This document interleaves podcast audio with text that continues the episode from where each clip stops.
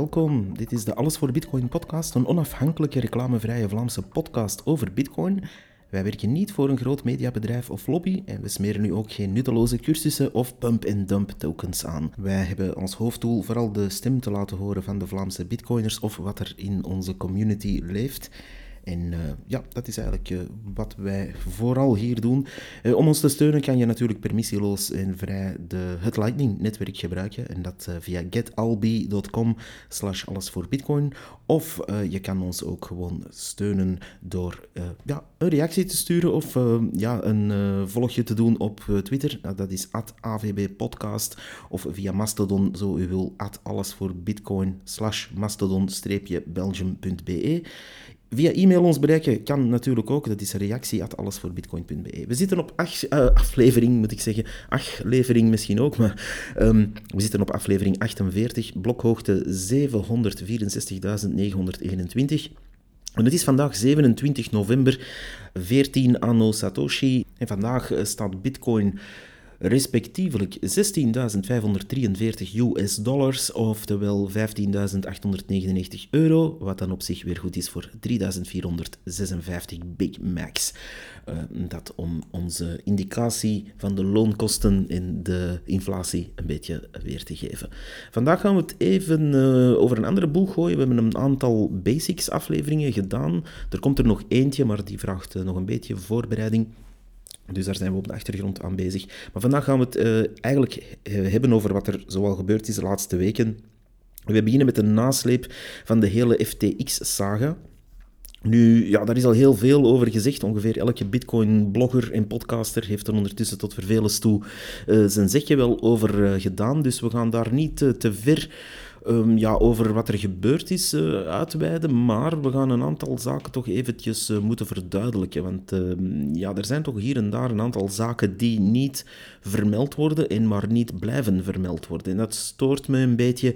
Um, dus we beginnen met die Sam Bankman-Fried Fried status in, in wat die man heeft veroorzaakt met zijn ja, kleine entourage van misfits die ehm, in het heel kort voor de mensen die uh, totaal uh, onder een uh, steen hebben geleefd voor de laatste paar weken, is er um, buiten het mainstream nieuws vooral verteld dat die FTX een exchange was en dat dat is ja, failliet gegaan, dat dat eigenlijk een grote ja, oplichting bleek te zijn, dat die eigenlijk hetgeen ze verkochten niet in kas hadden, om het heel kort uit te drukken. Nu, daar zijn vier onderdelen van die FTX, want dat wordt eigenlijk onder één noemer geplaatst, maar wat we dan ja, verder daar zien gebeuren, is dat het eigenlijk een aantal onderdelen was. Er was FTX US, dat was de afdeling eh, in Amerika. Er was eh, FTX Global en dan Almeida Research. En dan, eh, dat waren zo wat de hoofddoelen. En dan had je ook nog een een eigenlijk ja, investeringsmaatschappij die, um, ja, die vooral ja, zich bezig hield zich in te kopen in andere projecten en real estate en zo verder te, gaan, ja, te gaan opkopen. En dat, uh, dat uh, had een aparte noemer. Even kijken, Almeida Venture Resources, Almeida Research Ventures. Uh, sorry, um, dus ARV. Dus die vier onderdelen samen zijn in de problemen gekomen. Maar we moeten toch eventjes een aantal zaken durven benoemen. Als Bitcoin community moeten we hier gewoon zeggen: kijk, dit was niet gewoon een uh, nalatigheidje van een of andere slordige boekhouder. Dit was ook geen uh, hacker of een, uh, ja, een iemand die een beetje malafide praktijken wilde proberen. Maar dit was een zeer goed uitgekiende en jaren voorbereide en opgezette aanval op Bitcoin. Wanneer we zien dat deze mensen, zoals die uh, uh, Sam Bankman-Fried, dus uh, SBF, afgekort, als die dan opduikt, dan zien we eigenlijk dat er nog andere schimmige figuren wel de laatste jaren zijn opgedoken en dat telkens de modus operandi hetzelfde is. We denken aan Celsius, we denken vooral aan Luna, waar je dan eigenlijk ziet dat er ja, opeens iemand opduikt, toevallig allemaal rond de helft van 2018 En dat die mensen naar voren worden geschoven. Dat zijn ook allemaal mensen zonder enige track record in de Bitcoin-space. Dus niemand heeft daar ooit van gehoord. Uh, niemand kent die mensen. Die, het is niet dat dat, uh, ik zeg maar iets, uh, het kaliber Roger Ver is, wat je ook van die man denkt. Die heeft wel in de Bitcoin-space een en ander gedaan. Die heeft ook het een en ander ja, meehelpen tot stand komen. Die heeft ook ja, technologie-webshops en zo gehad. Dus die, die heeft een track record. los van wat je van die man vindt. De, daar zijn sporen van te vinden en dan kan je zeggen, oh kijk, als die opduikt, eh, we weten een beetje wie dat is en wat hij uh, wil. Maar uh, deze mensen waar het dan over gaat, die, ja, die poppen opeens op als een paddenstoel uit de grond en dan op een of andere manier krijgen die venture capitalists achter zich aan. En dan, als we daar dan dieper in graven en even gaan kijken wat er daar zoal als investeerder wordt aangetrokken, dan zien we dat er daar letterlijk tientallen tot honderden miljoenen worden naar die ja, nieuwe mensen gesmeten rond 2018 en dat die investeringen allemaal gaan naar uh, ja, dodgy crypto-projecten. Nu, ja, dodgy weten we nu, toen uh, ja, wisten we dat niet allemaal. Dus laat nu net 2018 het jaar zijn dat de meeste grote ja, crypto-wave is gebeurd. Dat daar ja, iedereen in zijn moeder ging eigenlijk opeens tokens kopen en crypto-expert zijn. We zien er nog een paar rondhangen in onze eigen Vlaamse media. Uh, en die mensen duiken uh, op en die duiken uh, ja, in eender welke token dat ze eventjes in hun gezicht hebben zien gevreven worden. Maar dan op, op hoger niveau, die nieuwe mensen die richten maar exchanges en services en protocollen en noem het maar op op. de whitepapers waren ook niet bij te houden rond die periode. Iedereen... In elke straat had er wel een of ander genie een eigen whitepaper geschreven, al dan niet komende uit een template. Maar goed, zo'n white paper, dat is eigenlijk om een nieuw project op te zetten. En dan ga je eigenlijk zeggen, net als Satoshi in 2008, ga je eigenlijk zeggen, kijk, eh, ik heb iets nieuws uitgevonden en dit is eigenlijk de basis daarvan. Nu, ehm, goed, dus 2018 was die periode. En het is net dus op dat moment dat die schimmige figuren, zal ik maar zeggen, opduiken. En dan met de nodige marketing en enorme investeringen, want een start-up eh, ja, die kan je misschien met een paar miljoen een fund geven als je die, uh, die projecten sympathiek vindt. Maar om in de crypto-space dan iets te gaan doen, eh, ik noem nu even de crypto-space wat het is, dan, um, dan zie je toch dat er in die crypto-wereld, industrie of wat je het ook wil noemen, enorme bedragen werden tegenaan gesmeten om net marketing te gaan voeren. En ja, dan zien we eigenlijk dat er daar mensen vanuit de bankwereld en vanuit het World Economic Forum eigenlijk achter die funding zitten, of toch uh, mensen die daar zwaar mee gealigneerd zijn. En dan bijvoorbeeld exchanges of andere services gingen gaan ja, promoten, funden en uh, daarin gingen investeren. Um, dit, uh, zo blijkt later, was dan eigenlijk een pure aanval tegen vooral Bitcoin en de hele cryptocurrency-industrie en de fintech in het algemeen, want ook die delen in de klappen natuurlijk. En uh, ja, de, de modus operandi is nu wel zoveel jaren later heel duidelijk. Eerst vertrouwen wekken, uh, enorme bedragen in marketing steken, uh, tot zelfs Super Bowl advertenties toe en arenas en stadia die worden omgetoverd met andere namen. En dan heb je een stadion dat opeens Crypto.com Stadium noemt en dat soort zaken. En die um, dan, ja, tot, tot men eigenlijk genoeg tijd heeft gerokken. Men had eigenlijk een twee, drie jaar moeten overbruggen dat heeft men ook gedaan. Want in 2018 had men wel het idee om een uh, nationale munt of een uniemunt of een CBDC te gaan oprichten als tegenpool tegen ja, de superioriteit van Bitcoin. Maar men was daar, vooral technisch en politiek, nog niet klaar voor. En men heeft dus eigenlijk tijd moeten rekken. En die tijd heeft men gekocht in mijn opinie dan toch. Um, en ik vind het ook vrij duidelijk, als ik zo wat rondhoor in onze community, uh, vinden de meeste mensen toch hetzelfde. Dat men die tijd niet alleen heeft gekocht, maar dat men dat, uh, die timing echt wel nodig had om daar een aanval tegen Bitcoin op te zetten en uh, de, nodige, ja, de nodige investeringen te doen. En wat is voor de elites een paar honderd miljoen euro?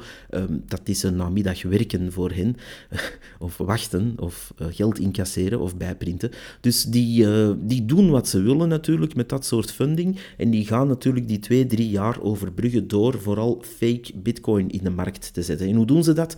Die hoofdfraudeurs, kunnen we ze wel gerust noemen, die trekken dan op de juiste moment als die CBDC klaar staat, als bijvoorbeeld Europa of Amerika en uh, nog andere landen hun nationale munten of hun uniemuntjes, hun programmeerbare jetons klaar hebben staan, dan trekken ze het tafellaken van onder heel het servies vandaan. En uh, dat hele servies was dan natuurlijk die exchanges zoals FTX. Het feit dat de hoofdfraudeurs van deze zwendel en uh, ja, de bijkomende aanval nu nog altijd niet zijn opgepakt, zegt eigenlijk al genoeg. Um, probeert u maar eens als gewone man of vrouw eens 1 miljoen, laat staan 1 miljard of in dit geval 3,5 miljard, te stelen van gewone investeerders of banken of uh, goed uh, bedoelende rijkere mensen, om daarna, uh, wanneer dat geld verdwijnt, rustig op de Bahama's te gaan zitten winkelen in een lokale supermarkt en daarna ja, op een terrasje eventjes te gaan keuvelen met je familie. Dat, ja, dat is duidelijk, die man heeft bescherming en... Um, ja, ik, verschiet ervan dat hij nog geen, laat ons zeggen, nare zaken heeft meegemaakt. Als u inderdaad uh, dat soort eh, funds gaat stelen ergens, ja, dan komt er toch wel iemand achter u aan. Het zij uw schuldeisers, het zij een nationale staat, het zij een gerecht, het zij wat dan ook voor instantie uit de US die drie lettertjes heeft. Iets komt er toch ooit achter u aan als u een, een miljard of meer steelt, zou je denken. Maar nee, dus hij, uh, hij gaat zelfs nog samen met zijn vrienden van het World Economic Forum eventjes keuvelen op het New York Times Dealbook Summit. Dat is op 30 november.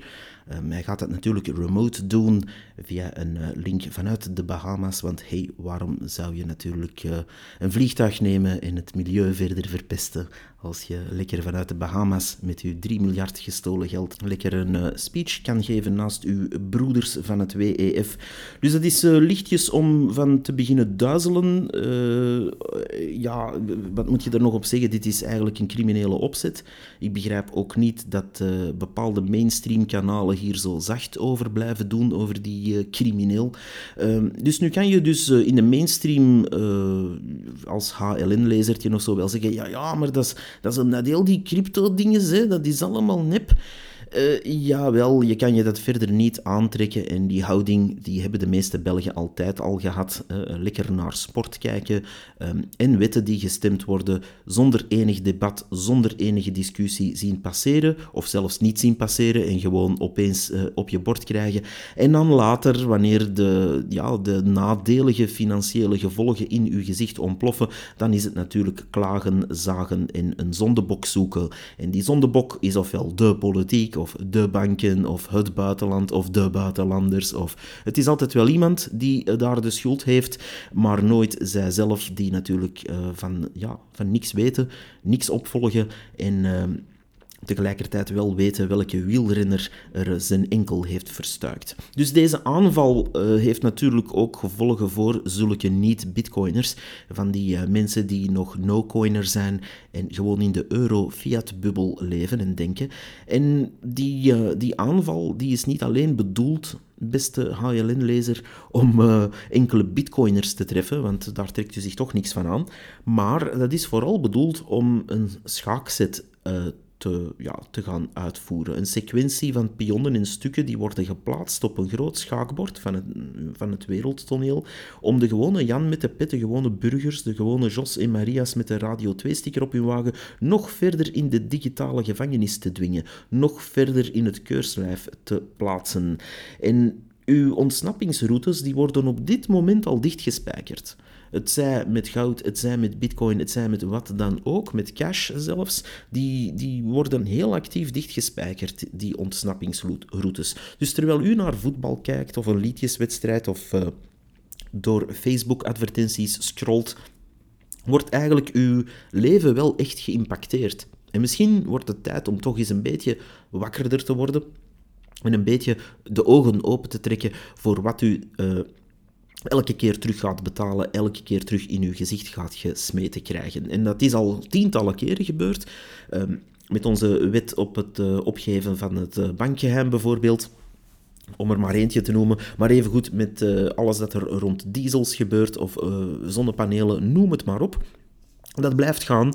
En ja, telkens kijkt men weg en is er wel toevallig een of andere grote sportwedstrijd die veel interessanter is dan uh, het nieuws eventjes te volgen. Maar goed, dus ik wil hier ook even ingaan voor de meer ingewijde mensen, die wel in deze wereld vertoeven of daar toch op zijn minst over lezen, op een heel concreet aspect hiervan. En daarvoor moet ik toch een klein beetje wat technische uitleg doen, dus sorry newbies, maar hier gaan we. Uh, Almeida Research, onderdeel dus van die FTX-aanval, zo ik het noem, heeft ergens begin 2021 de organisatie achter RenVM-protocol eh, opgekocht. Of ja, het is niet echt opgekocht als dusdanig. Ze hebben eigenlijk Almeida vervoegd. They joined the system. Dus daar is blijkbaar iets raars gebeurd. Die, Republic Protocol, zoals dat noemt, dat uh, is iets eigenlijk dat eerder op uh, een brug leeft tussen Ethereum en uh, andere chains, met name de Bitcoin-blockchain. En dat zijn eigenlijk virtuele bruggen, virtuele machines die kortweg um, genoemd worden RenVM's. Uh, en deze werden eigenlijk gebouwd om bijvoorbeeld de Ethereum-chain en de BTC, Bitcoin-chain, te gaan verbinden. Uh, heel concreet, wat gebeurt er dan? Je neemt echte Bitcoin je stopt die in zo'n RIN-bridge, als u dat riskeert, uiteraard. Het is maar gewoon om uit te leggen, want wie in zijn, eh, ja, wie in zijn right mind wil dat doen? Maar goed, dus u neemt uw echte bitcoins en u stopt dat in die RIN-bridge via een bepaald protocol. U voert dat uit, u stuurt dat dus eigenlijk naar een, um, een Segwit-adres, een eenmalig adres. En vanuit dat adres wordt dat onmiddellijk gestuurd naar um, een, een vast laat ons zeggen, uh, legacy-adres. En dat, uh, dat vaste adres, dat is nooit veranderd. Sinds een oprichting van uh, REN BTC is dat nooit veranderd, dat adres. Dus dat is altijd hetzelfde gebleven. Dus elke keer als er iemand dus een trade op die manier deed, of trade is het eigenlijk niet, je geeft je echte bitcoin weg. en ging dat naar datzelfde adres, via een kleine omweg. Dat is dus een grote honeypot, want je kan dat natuurlijk uh, qua anonimiteit perfect opvolgen. Maar goed, dat komt daar terecht op dat adres en daar stapelt die bitcoin zich op. Op een bepaald moment staat er over de 11.000 bitcoin in. Um, die, uh, ja, dat blijft daar zitten. Maar in ruil krijgt u dus een, een wrapped BTC token. En uh, genaamd in de ticker REN-BTC. Die krijgt u. En daarmee kan u eigenlijk op het Ethereum-netwerk, en zo'n bruggen bestonden er ook voor andere netwerken, ik neem deze nu als voorbeeld, evengoed voor Solana en andere rommel. Maar um, op het Ethereum-netwerk kon je dus die REN-BTC ook nemen. Dus je steekt één bitcoin daarin en je krijgt één REN-BTC op uh, het Ethereum-netwerk. Wat is daar het voordeel van? Ja, uh, ik zie hier als bitcoin weinig uh, bitcoiner weinig voordeel in, want ik ben mijn bitcoin op dat moment kwijt. Maar goed, uh, mensen die daarin geloven en dat riskeren, krijgen dus op het Ethereum-netwerk één fake bitcoin die ingepakt is in REN-BTC. Dat is eigenlijk een tegoed. Nu, u kan die, als u dat gelooft, altijd ook omruilen. Nu, dat bestond ook. Hè. Er is ook de reversed bridge, waar je dus een 1 REN BTC omzet in één echte bitcoin. Wat natuurlijk al veel interessanter is. U gaat iets nep omruilen voor iets echt. Dus je hebt uiteindelijk één REN BTC. En wat gebeurt daarmee? Dat kan u gaan uitlenen of shitcoin tokens of ERC20 bullshit gaan meedoen. En u gaat dat gaan yield farmen of wat u er ook mee wil doen op dat Ethereum modderpool gedoe. En daar kan u allerlei zaken gaan uh, ja, verdienen in die REN BTC. Maar u kan het ook omruilen. Die REN BTC kan u, want dat heeft daar de waarde van één bitcoin. Dus één REN BTC is evenveel waard op het Ethereum netwerk in dollars gerekend dan één bitcoin, kan u die gaan omruilen. En als, uh, als er bijvoorbeeld een token, ik zeg maar iets, 1 dollar zou kosten en op dat moment staat bitcoin 20.000 dollar, dan kan u 20.000 van die tokens daarmee gaan omruilen, give or take a few, navenant de uh, exchange rate. Dus u ruilt dat om, u doet dan mumbo jumbo, whatever dat u wilt met die tokens. En na een tijd kan u het omgekeerde doen en terug naar Bitcoin stappen.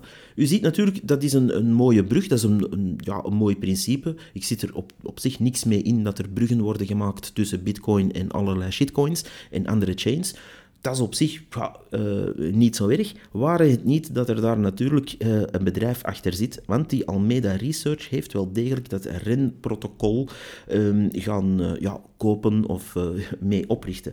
Nu zijn we wat, wat, dieper moeten graven om eigenlijk te vinden wat er daar echt aan de hand was. Um, Die RIN VM werd opgericht door iemand, en dat is een zekere Tao Jiang Zhang, die uiteraard ook andere DeFi-projecten zoals MakerDAO oprichtte. Uh, sorry dat ik uw naam verkeerd uh, uitsprak misschien, uh, Tao Yang Zhang, maar goed. Um, en dat werd niet alleen opgericht door hem, hij ging daarna ook voor ARV werken, dus voor die Almeida Research Ventures. Die, uh, die man die heeft een paar blogposts gedaan, allemaal zeer interessant, waar hij eigenlijk um, ja, uitlegt wat die RenVM ging doen, waar er dus bruggen worden gebouwd met scanbare en overzichtelijk gemaakte transacties tussen die verschillende chains. Met name uh, Ethereum en Bitcoin, want die ja, was natuurlijk het meest gebruikt, dat kan u al wel raden. Via de vele Ethereum tokens en ERC20 tokens kon er dus altijd omgeruild worden van zogenaamde REN-BTC naar echte bitcoins.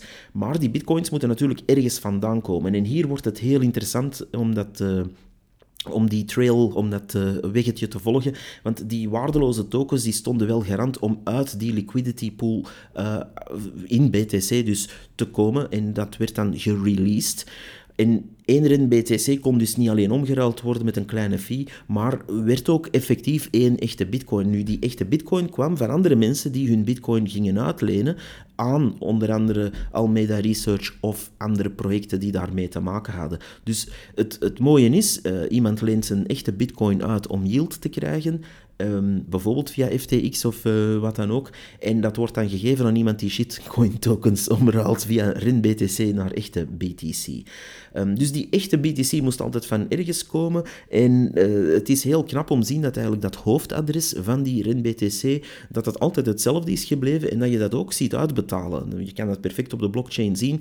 Uh, dan staan daar, zeg maar iets, 11.000 bitcoins op. Iemand checkt er twee uit, release die. En die worden wel degelijk ja, gegeven. Nu, dat is nog meer dodgy, want veel van die bitcoins die er daar zijn uitgegeven, komen eigenlijk van ransomware en ja, allerlei hacks en noem het maar op, waar ook die bitcoin terecht kwam. Want natuurlijk, als u een hacker bent en u hebt, zeg maar iets, 10 bitcoin binnengekregen op allerlei illegale manieren, dan kan ik me voorstellen dat u die natuurlijk niet in uw eigen wallet wilt houden, want dat is, ja, traceerbaar naar u. Dus wat doet u dan? Dan gaat u daar RIN-BTC mee kopen via die bridge. U gaat die RIN-BTC omruilen voor whatever shit uh, coin token dat u maar wil. U doet daar uh, Magic mee en daarna doet u het omgekeerde en gaat u die RIN-BTC terug omruilen voor echte frisse nieuwe bitcoins die eigenlijk niet meer aan u gelinkt kunnen worden. Maar RIN Development um, die heeft in totaal een 13 miljard in cross-chain volume gedraaid.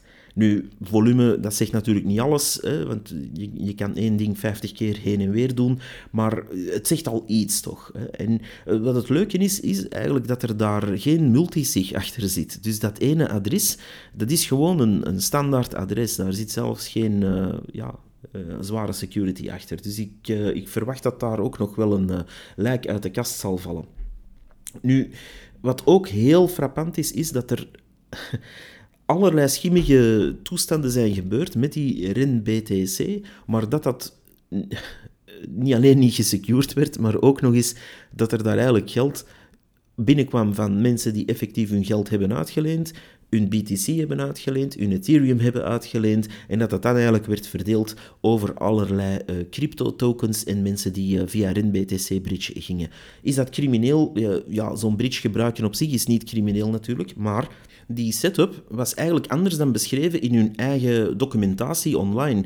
Uh, die uh, RIN-protocol mensen die schreven dat dat eigenlijk werd verdeeld over dark nodes, waar die liquidity helemaal werd verdeeld en waar je dan uiteindelijk uh, echte BTC terug uitkreeg. Maar dat dat eigenlijk ja, niet van één stom adres kwam, dat waarschijnlijk gewoon op iemand zijn MacBook Pro draait. Dus en ja, dat is wel een duidelijk verschil dat je ook gewoon on-chain kan zien met hetgeen dat uh, eh, RenBTC altijd heeft beweerd. Waren het niet dat veel mensen niet wisten dat natuurlijk Almeida en FTX daarachter zaten. En dan ja, vallen er natuurlijk wel een aantal puzzelstukjes in elkaar. Dit is duidelijk opgezet en Nu, het renprotocol op zich wil doorgroeien en ik geloof nog ergens dat die mensen fideel zouden kunnen zijn, dat weet ik nu niet. Maar de technische mensen daarachter willen dat nu dus gedecentralized maken en eigenlijk ervoor zorgen dat het effectief een multi-chain bridge gaat worden, zonder dat er daar één centraal punt is en één bitcoin-adres dat systematisch bij elke aankoop wordt leeggeschud, bij wijze van spreken. Um, dat uh, gaat misschien nog wel uh, het overleven, want dat principe op zich, daar ben ik niet tegen. Je moet, denk ik, wel bruggen kunnen maken tussen de verschillende chains. En wie daar vanzelf liquiditeit wilt aanbieden, waarom niet? Langs de andere kant, wanneer je dat op die manier organiseert, zet dat natuurlijk wel de deur wagenwijd open voor uh, wanpraktijken. Maar niet alleen dat. Um, die wanpraktijken, dat is dan nog niet zo erg, maar als het effectief van bovenuit wordt georganiseerd om ja, letterlijk miljarden te gaan ontvreemden van mensen die daar uh, echte waarden hebben ingestoken, die dat dan opeens zien uh, geblokkeerd worden. Uh, die, die REN-bridge is ondertussen stopgezet, dus de versie 1 daarvan, daar kan je nog hetgeen dat er nu nog in zit wel releasen, zogezegd, tot, ik dacht, eind van deze maand. Maar dan stopt dat en dan gaat men ja, doorgroeien met een ander protocol. Ik hoop dat men zo snel mogelijk afstand neemt van heel de FTX en Almeida Research mensen en dat men dat uh, ja, een echt DeFi-project gaat maken waar men dat gaat distributeren over een aantal dark nodes of uh, ja, gewoon iets open source maken waar men allemaal kan verifiëren dat dat ja, goed gebeurt, zal ik maar zeggen. Dus omruilen, ja, daar zijn we als bitcoiner natuurlijk absoluut niet tegen, ook al is het met een shitcoin, maar ja, op zich moet het wel kunnen om digitaal iets om te ruilen, daar hoeft uh, verder niemand uh, last van te hebben. Ehm, maar dit is natuurlijk puur georganiseerde diefstal. Vooral als je gaat kijken wie daarachter zit, wie dat heeft opgericht en rond welke periode. En als je dan ziet wat de structuur was, is dat toch ja, niet echt proper. Een tweede onderwerp dat ik hier even wil, uh, wil aansnijden, is die, um, ja, het, het CBDC-debat. We hebben het daar al vaak over gehad het is toch wel, en daar ga ik heel kort in zijn, want ik ga er een langere aflevering over maken uh, eens het daar meer informatie over is. Het is toch wel echt wraakroepend dat in België daar gewoon nul debat over is. We hebben hier een stuk of acht uh, politieke partijen die toch meetellen, denk ik. Laat ons even opsommen. Je hebt dan de extreem linkse kant uh, PvdA-PTB. Dan heb je wat vroeger de Socialistische Partij was en nu een of andere beweging ben de naam kwijt, sorry, het interesseert me niet genoeg. Dan heb je de groen-groenen, of de passief-groenen, wat je ze ook wil noemen. Dan heb je de CDNV, ik denk niet, uh, ja, wat tellen die nog mee? Ik vermoed van niet, ik volg dat niet zo. Dan heb je Open VLD, dan heb je NVA en dan heb je Vlaams Belang. Dan zitten we aan zeven. Laat ons zeggen dat er daar nog één partij ergens uh, lokaal tussen zit die altijd wel uh, nog een zeteltje hier of daar haalt. Dus dan, ja, dan zitten we aan, laat ons zeggen, zeven grotere partijen en één kleintje of zo. Laat ons, laat ons het even afronden op acht partijen. Goed, um, er is daar dus niemand die interesse heeft om dat debat open te trekken over moeten we hier CBDC's invoegen, ja dan nee. Ah ja, maar dat is op Europees niveau, dus uh, daar hebben we toch niks over te zeggen. Mag er alsjeblieft toch een debat over zijn? Mag er alsjeblieft toch even gepraat worden over willen wij een permissiejeton hier invoeren in digitale vorm? Willen we er hier één grote kermis van maken waar je de juiste jeton moet hebben of je mag niet meespelen? Mag dat even gevraagd worden alsjeblieft? Mogen we ook spijkerharde garanties. Bijvoorbeeld als er iemand in het beleid van de centrale bank of een politicus die daar uh, zijn kop op wil verwedden, uh, als die duidelijk zegt, kijk, we gaan het nooit programmeren, we gaan die CBDC-euro nooit programmeren. Kan dat dan even in de wet uh, gezet worden, alsjeblieft? En niet zomaar. Kan daar ook echt een spijkerharde garantie worden gegeven aan de bevolking. Dat kijk, wie u ook bent, uw euro zal een euro blijven digitaal en we gaan dat niet zomaar blokkeren of herprogrammeren of een vervaldatum opzetten of een doel of wat dan ook. Er zijn ook wetten uit de 19e eeuw die dat eigenlijk ja, voorkomen, die, die er speciaal zijn op gemaakt om dat soort fratsen niet meer voor te krijgen. Want dat zijn 19e-eeuwse toestanden. Dus dat debat is volledig afwezig. Je doet daar dan wel blogposts over. Ik heb hier al tot vervelens toe in de podcast daar gewacht van gemaakt. Ik, gemaakt. ik hoor daar ook uh, in Nederland een debat over uh, bezig zijn, hoewel dat, dat daar nog ja, ook nog maar in zijn beginfase zit. Maar de marketing van de, ja, de centrale bank is wel bezig ondertussen. Ik heb daar een marketingfilmpje gezien waar men bij hoog en bij laag beweert dat dat niet programmeerbaar is en dat het net evenveel waard is dan een echte euro. Dat is kwatsch, dat is bullshit, dat is gewoon niet waar. Het staat in jullie eigen papers. Jullie eigen documentatie zegt dat, het, um, dat de data wordt gedeeld met derde partijen, wat je bij cash natuurlijk niet hebt. Dus het is al niet hetzelfde, alleen al op dat punt. Alleen al dat ene puntje is het al niet hetzelfde. En verderop staat er gewoon in dat men het kan programmeren, dat men er een aantal percentage van uw loon kan gaan voorbehouden voor X, Y, Z.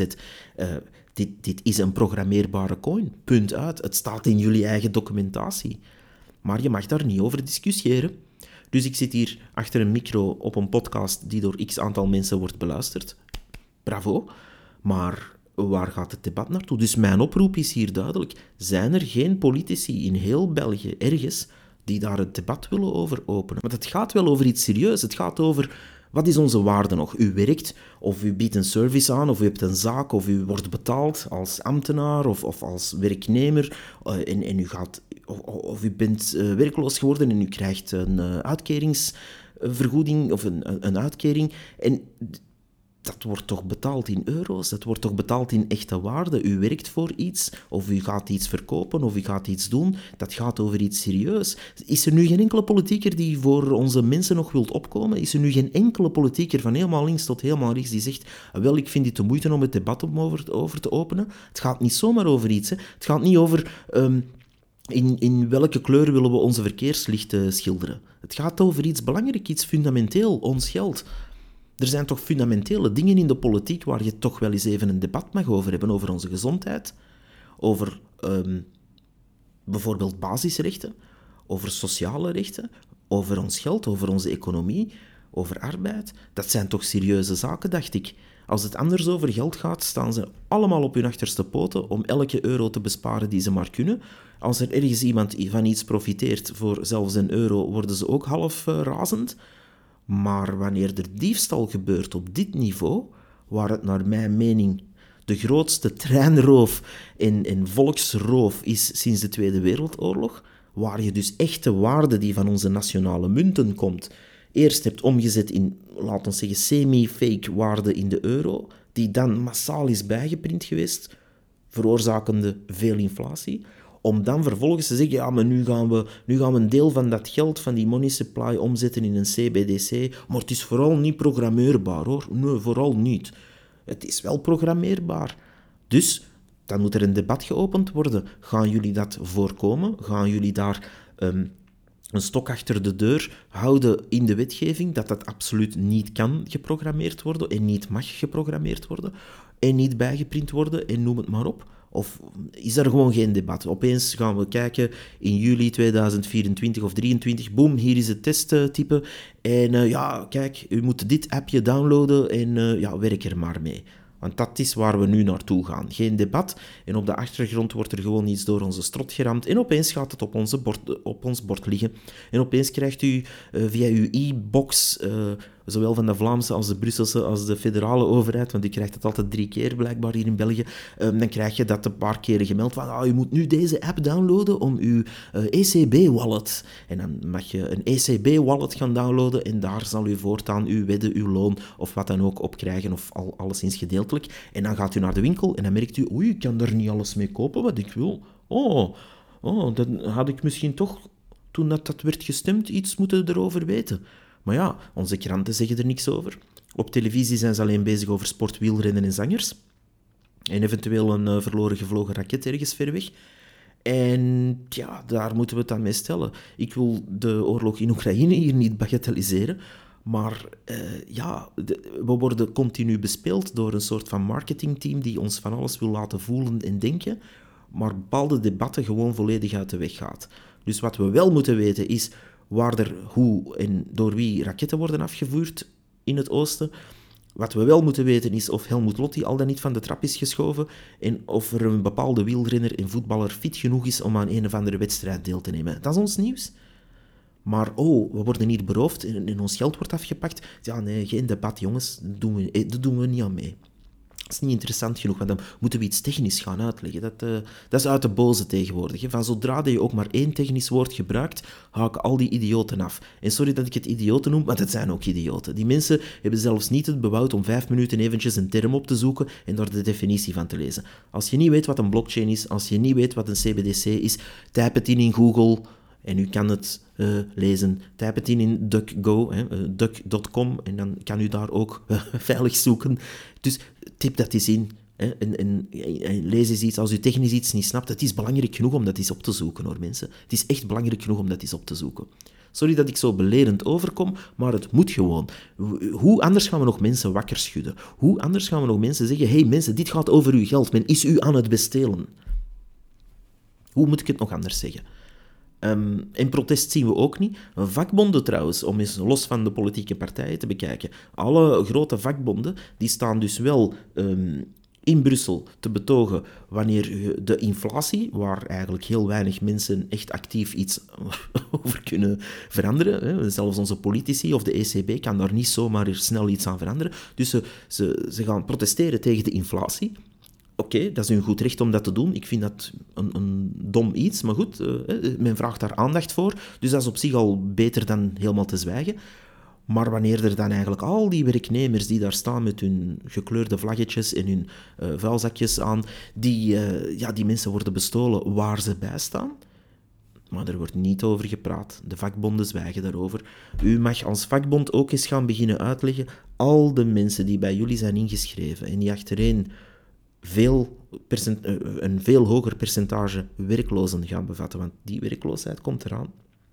U mag die ook eens gaan uitleggen dat ze met de uitkeringen die ze gaan krijgen via hun ECB-appje, u mag dat gaan uitleggen, beste vakbond, dat u hen niet hebt verdedigd en dat ze een of andere credit krijgen op een app waar ze worden gemeten waar er zelfs zal worden gemeten of ze hè, hun, hun chauffage thuis niet te warm hebben gezet en of ze niet te veel naar de McDonald's zijn geweest en geen sigaretjes roken en niet te veel bier hebben gedronken en noem het maar op. Dat wordt allemaal getracked en u mag dat gaan uitleggen, beste vakbonden. U mag dat gaan uitleggen. En misschien zit er ook een tracker in om te zien hoeveel geld u hebt uitgegeven aan vakbondsbijdragen. Misschien wordt dat ook wel getracked. Het is maar een hint. In ieder geval is er werk aan de winkel voor mensen die nog... Uh, onze rechten willen verdedigen. En die tegen deze CBDC willen opkomen. En ik denk dat die mensen in alle politieke fracties kunnen te vinden zijn. Als liberaal, als echte liberaal bedoel ik dan geen open VLD'er, maar als echte liberaal kan u daartegen reageren. Want dat tast uw individuele vrijheid aan. Evengoed als echte socialist, uh, niemand van vooruit, maar echt socialisme dus, die, uh, die kan daar ook iets tegen zeggen. En zeggen, ja, maar is het wel solidair om eigenlijk ja, op deze manier om te gaan met mensen en eigenlijk data te gaan verkopen aan de meest biedende en die dan nog tegen de bevolking te gebruiken? Ik denk toch dat rechtschapen socialisten die, die de internationale zingen daar toch iets moeten tegen hebben? Of vinden die dat super? Van, oh, meer totalitair regime, meer meten, meer data, yes. Uh, ja, en dan aan de rechterkant, ik, ik, kan mij niet voorstellen dat die mensen daar ook allemaal zo staan op te roepen. Dus er moeten toch mensen zijn binnen die, uh, binnen die politieke partijen die daar echt wel hun vragen bij hebben. Maar dus bij deze mijn oproep. Zijn er in België politici, eender welke, van eender welk niveau, die actief hun mening eens willen zeggen over die CBDC en daar het debat willen over openen. Want men is ons aan het beroven en de politici staan erbij en kijken ernaar. Allemaal. Dus uh, dat is mijn oproep. Dit was aflevering 48. U kan ons steunen en dat is coinos.io slash alles voor bitcoin. Maar wat u ook kan doen is gewoon uh, abonneren in uh, eender welke podcast app. Dat is gewoon alles voor bitcoin opzoeken in bijvoorbeeld Spotify of Google Podcasts en dan komt u daar wel terecht. U kan ook een eh, reactie sturen, dat is eh, reactie at allesvoorbitcoin.be. Bye bye.